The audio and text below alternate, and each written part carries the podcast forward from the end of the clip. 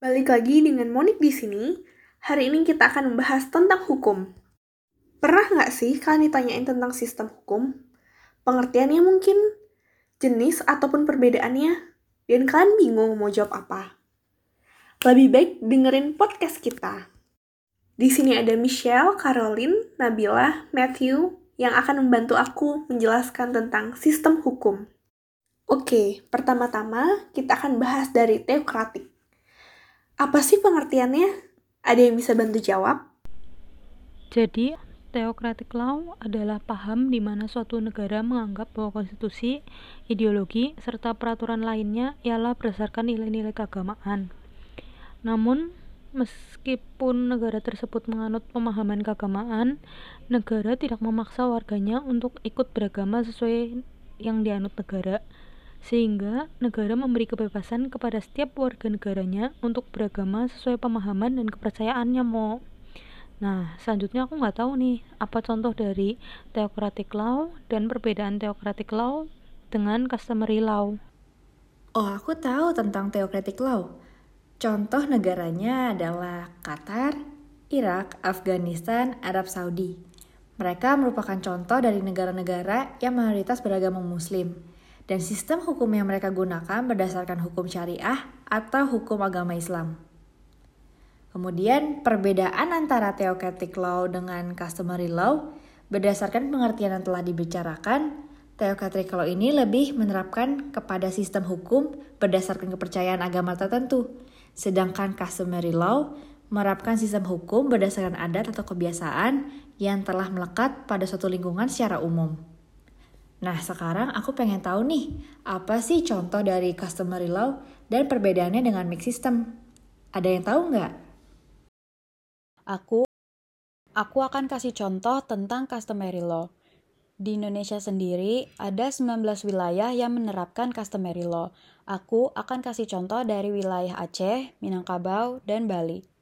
Pertama, salah satu customary law di Aceh adalah Mibru. Mibru dilakukan oleh masyarakat setempat sebelum dilaksanakannya pesta pernikahan keesokan harinya. Hal tersebut biasanya dilakukan oleh pihak laki-laki yang datang ke rumah calon pengantin dengan membawa beras. Kedua, di Minangkabau. Contoh customary law yang berlaku jika salah seorang anggota kaum melakukan pelanggaran, maka pihak pertama yang menanggung hukuman yang diberikan adalah kaum kerabatnya sendiri. Sedangkan pelaku yang melakukan kejahatan diberikan hukuman oleh kaum kerabatnya sendiri sesuai dengan perbuatan yang telah dilakukan berdasarkan kesepakatan anggota secara bersama. Ketiga di Bali, law yang berlaku ketika seorang warga lokal berpergian di saat upacara nyepi dengan tujuan dan alasan yang tidak jelas akan diberikan sanksi sangaskara danda, yaitu hukuman berupa pengembalian keseimbangan magis dalam bentuk upacara agama. Nah, perbedaannya customary law dan mixed system tuh apa sih? Kalau customary law itu sistem tidak tertulis berdasarkan pola perilaku yang sudah diterima sebagai aturan di negara tertentu. Sedangkan mixed law mengacu pada sistem di mana dua sistem hukum atau lebih digabungkan dan diterapkan secara bersamaan. Di dalam mixed system juga terdapat customary law apabila sebuah negara memutuskan untuk menggunakannya seperti negara Jepang. Jepang menggunakan mix system antara civil law dan customary law. Contoh lain ada negara Brunei yang menggunakan mix system antara common law, muslim law, dan customary law. Di Indonesia sendiri, mix system yang digunakan adalah antara common law, muslim law, dan customary law. Nah, buat kalian yang masih bingung apa sih bedanya theocratic law sama mix system? Jadi seperti yang udah dijelasin sebelumnya ya, theocratic law itu adalah paham yang dianut oleh suatu negara yang menganggap bahwa eksistensi dari sebuah negara itu nggak bisa dipisahin dari konsep negara itu sendiri dengan nilai-nilai ketuhanan. Nah, berdasarkan teori ini pula, sumber asal kekuasaan itu bisa bermuara dari kekuatan dewa atau Tuhan sendiri, serta dari kekuatan supranatural di luar kemampuan manusia yang kemudian diturunkan oleh pemimpin negara tersebut. Teokratik law sendiri terbagi atas dua, yaitu teokratik primitif dan teokratik modern. Nah, bedanya sama mix law atau yang biasa kita sebut hukum campuran, kalau mix law itu merujuk pada kombinasi berbagai elemen hukum, nggak cuma tentang agamanya, nggak cuma tentang hukum sipilnya, nggak cuma tentang hukum adatnya. Jadi, mix law itu campuran berbagai sistem legal seperti hukum sipil, hukum adat, dan hukum agama. Hukum campuran ini juga biasa dikenal dengan hukum pluralistik. Jadi itu hukum ini kerap ditemukan di berbagai bekas di berbagai negara bekas jajahan yang selepas kemerdekaannya masih mempertahankan beberapa elemen hukum kolonial dan menyesuaikannya dengan konteks masyarakat saat itu. Oke, itu dia pengertian, perbedaan, dan contohnya. Tapi ada nggak sih pro dan kontranya? Tentu ada dong. Kali ini aku yang akan jawab pro dari ketiga hukum tersebut. Pertama-tama, kita akan bahas pro dari theocratic law. Pertama adalah lebih mudah dalam menentukan kompromi. Karena berdasarkan fakta, mereka semua mendasarkan tindakan dan pendapat mereka pada kitab suci. Jadi lebih sedikit debat dan lebih banyak tindakan yang dapat mereka lakukan. Yang kedua adalah mudahnya tercipta reformasi sosial. Jika orang-orang bersatu di bawah satu pemerintahan dan satu gereja, mereka dapat bekerja sama tanpa batasan untuk menciptakan reformasi sosial yang mereka inginkan. Yang ketiga adalah pelaksanaan solusi yang lebih cepat. Karena Biasanya nih, bentuk pemerintahan teokratis itu otoriter. Jadi, ketika pemimpin membuat satu pernyataan atau dekrit, maka harus segera dilaksanakan oleh penduduk. Dan tentunya lebih cepat daripada yang demokratis. Kenapa? Karena debat tidak diperbolehkan dalam proses pengeluaran keputusan. Oke, lanjut. Yang berikutnya adalah menciptakan lebih banyak kesatuan dari perspektif global. Jika satu negara memiliki kitab suci yang sama, maka ketika teokrasi diberlakukan akan menciptakan sekutu alami. Dan yang terakhir adalah lebih mudah mengontrol warga negara.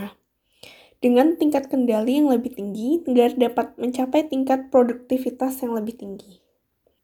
Oke, itu dia guys pro dari teokratik. Selanjutnya adalah pro dari customary law atau yang biasa kita sebut hukum adat.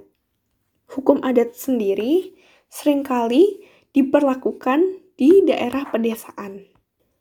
Proses hukum adat sendiri dalam bahasa lokal agar lebih mudah dipahami anggota masyarakat. Dan biasanya nggak perlu pengacara, karena hukum ini diperlakukan agar dapat dipahami dan diterima seluruh masyarakat sehingga dapat diselesaikan dengan damai. Biasanya menggunakan sistem negosiasi. Hukum adat juga merupakan bayaran atas hukuman kesalahan dan kompensasi atas kerusakan yang dilakukan orang tersebut terhadap yang dirugikan. Dan yang terakhir adalah mixed system law atau hukum campuran. Pro-nya adalah lebih fleksibel karena disesuaikan dengan masalah yang dihadapi dan melibatkan beberapa pihak dalam membuat keputusan. Oke, itu dia bagian pro dari ketiga sistem tersebut. Dan untuk bagian kontranya akan dilanjutkan oleh teman saya Matthew. Kalau dari gue sendiri sih yang tadi dibahas pasti memiliki kurangan juga sih. Soalnya penguasa teokratis sendiri cenderung dogmatis dan dipandang sebagai penguasa yang sempurna. Yang kedua itu masyarakat teokratis sangat intoleran. Ini salah satu alasan mengapa imigrasi tidak penting bagi sistem teokratis. Mereka hanya tidak ingin populasi besar orang asing dengan pandangan agama dan budaya yang berbeda tinggal di dalam suatu perbatasan mereka. di budaya ini juga bisnis juga diharapkan mengikuti aturan operasi tertentu. Bisnis harus mengikuti aturan hukum aturan, hukum, dan norma yang ditetapkan yang telah diamanatkan oleh sistem kepercayaan mereka. Seringkali aturan ini melarang bisnis melakukan inovasi dan memaksimalkan keuntungan. Hal ini yang menjadi mungkin lebih suka meniru kepada lebih suka meniru daripada inovasi. Karena segala sesuatu yang mungkin bertentangan dengan teologi dan dogma agama dianggap di luar perkenan Tuhan. Teokrasi pada akhirnya sendiri akan menahan masyarakat untuk tidak berkembang. Kelemahan dari customary law sendiri itu menurut gue sih hukum adat lambat terbentuk dan lambat beradaptasi dengan situasi baru sih. Karena nilai dan prinsip yang berubah dalam hukum adat masyarakat mungkin tidak mencerminkan nilai tersebut. Predikti, prediktabilitas dan objektivitas dikorbankan. Dan bahwa kegilaan dapat mempengaruhi kualitas penilaian hukum dalam dalam contoh di mana hukum adat menjadi satu-satunya sumber utama untuk perilaku normatif sih. Terus satu kelemahan dari ekonomi campuran adalah mereka tuh cenderung lebih ke kontrol pemerintahan dan sedikit pada kebebasan individu sih. Sementara sebagian besar pemerintahan modern itu konsisten dengan beberapa bentuk ekonomi campuran. Hmm, ekonomi campuran sendiri dikaitkan dengan partai sosial demokrat atau negara yang dijalankan oleh pemerintah sosial demokrat sih. E, kritikus sosial demokrasi juga berpendapat bahwa ketika sosial demokrasi meninggalkan marxisme, ia juga meninggalkan sosialisme dan pada dasarnya menjadi gerakan kap kapitalis liberal.